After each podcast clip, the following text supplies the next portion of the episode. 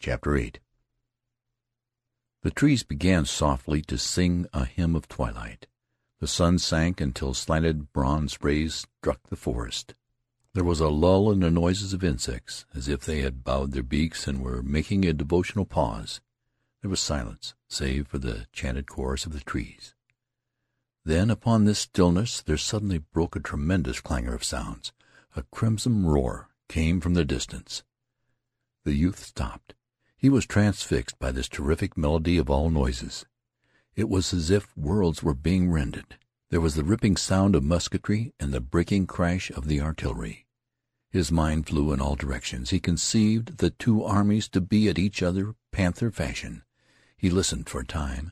Then he began to run in the direction of the battle. He saw that it was an ironical thing for him to be running thus toward that which he had been at such pains to avoid. But he said in substance to himself that if the earth and the moon were about to clash, many persons would doubtless plan to get upon the roofs to witness the collision. As he ran he became aware that the forest had stopped its music, as if at last becoming capable of hearing the foreign sounds. The trees hushed and stood motionless. Everything seemed to be listening to the crackle and clatter and ear-shaking thunder. The chorus pealed over the still earth. It suddenly occurred to the youth that the fight in which he had been was, after all, but perfunctory popping. In the hearing of this present din he was doubtful if he had seen real battle scenes.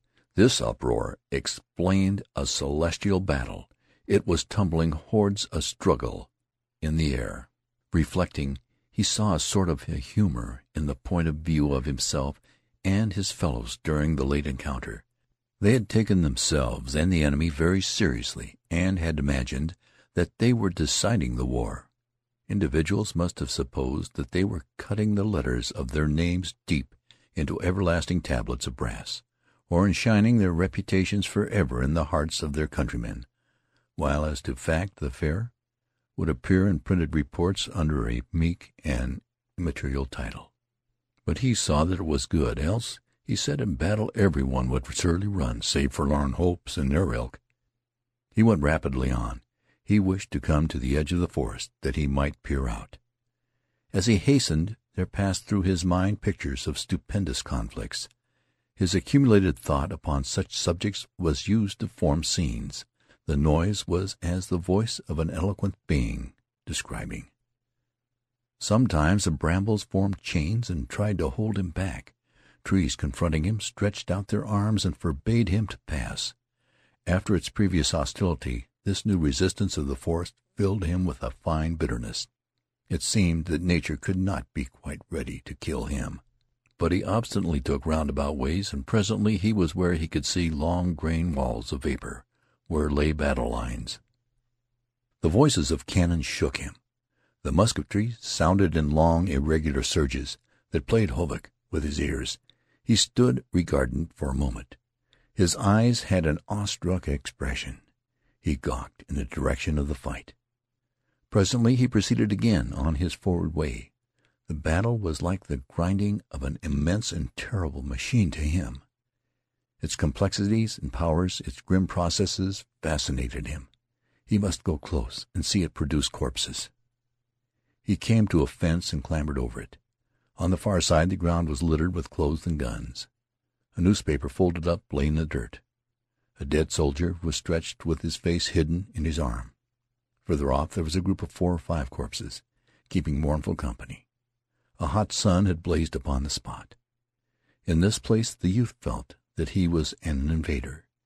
This forgotten part of the battleground was owned by the dead men, and he hurried in a vague apprehension that one of the swollen forms would rise and tell him to be gone. He came finally to a road from which he could see in the distance dark and agitated bodies of troops, smoke-fringed. In the lane was a blood-stained crowd streaming to the rear. The wounded men were cursing, groaning, and wailing. In the air always was a mighty swell of sound that seemed to sway the earth. With the courageous words of the artillery and the spiteful sentences of the musketry mingled red cheers, and from this region of noises came the steady current of the maimed. One of the wounded men had a shoe full of blood. He hopped like a schoolboy in a game. he was laughing hysterically. One was swearing that he had been shot in the arm through the commanding general's mismanagement of the army. One was marching with an air imitative of some sublime drum major. Upon his features was an unholy mixture of merriment and agony. As he marched he sang a bit of doggerel in a high and quavering voice.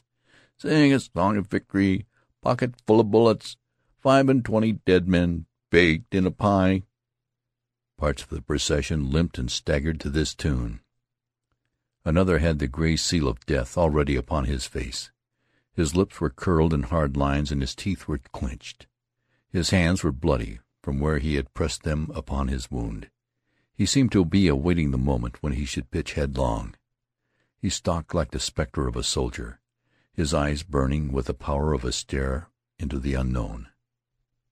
There were some who proceeded sullenly, full of anger at their wounds, and ready to turn upon anything as an obscure cause. An officer was carried along by two privates. He was peevish. "Don't jiggle so, Johnson, you fool!" he cried. "Think my leg is made of iron?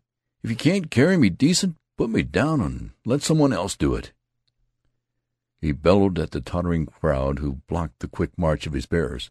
"Say, make way there, can't you?" "Make way, Dickens, take it all!" They sulkily parted and went to the roadsides. As he was carried past they made pert remarks to him. When he raged in reply and threatened them, they told him to be damned. The soldier of one of the tramping bearers knocked heavily into the spectral soldier, who was staring into the unknown. The youth joined his crowd and marched along with it. The torn bodies expressed the awful machinery in which the men had been entangled. Orderlies and couriers occasionally broke through the throng in the roadway, scattering wounded men right and left, galloping on, followed by howls.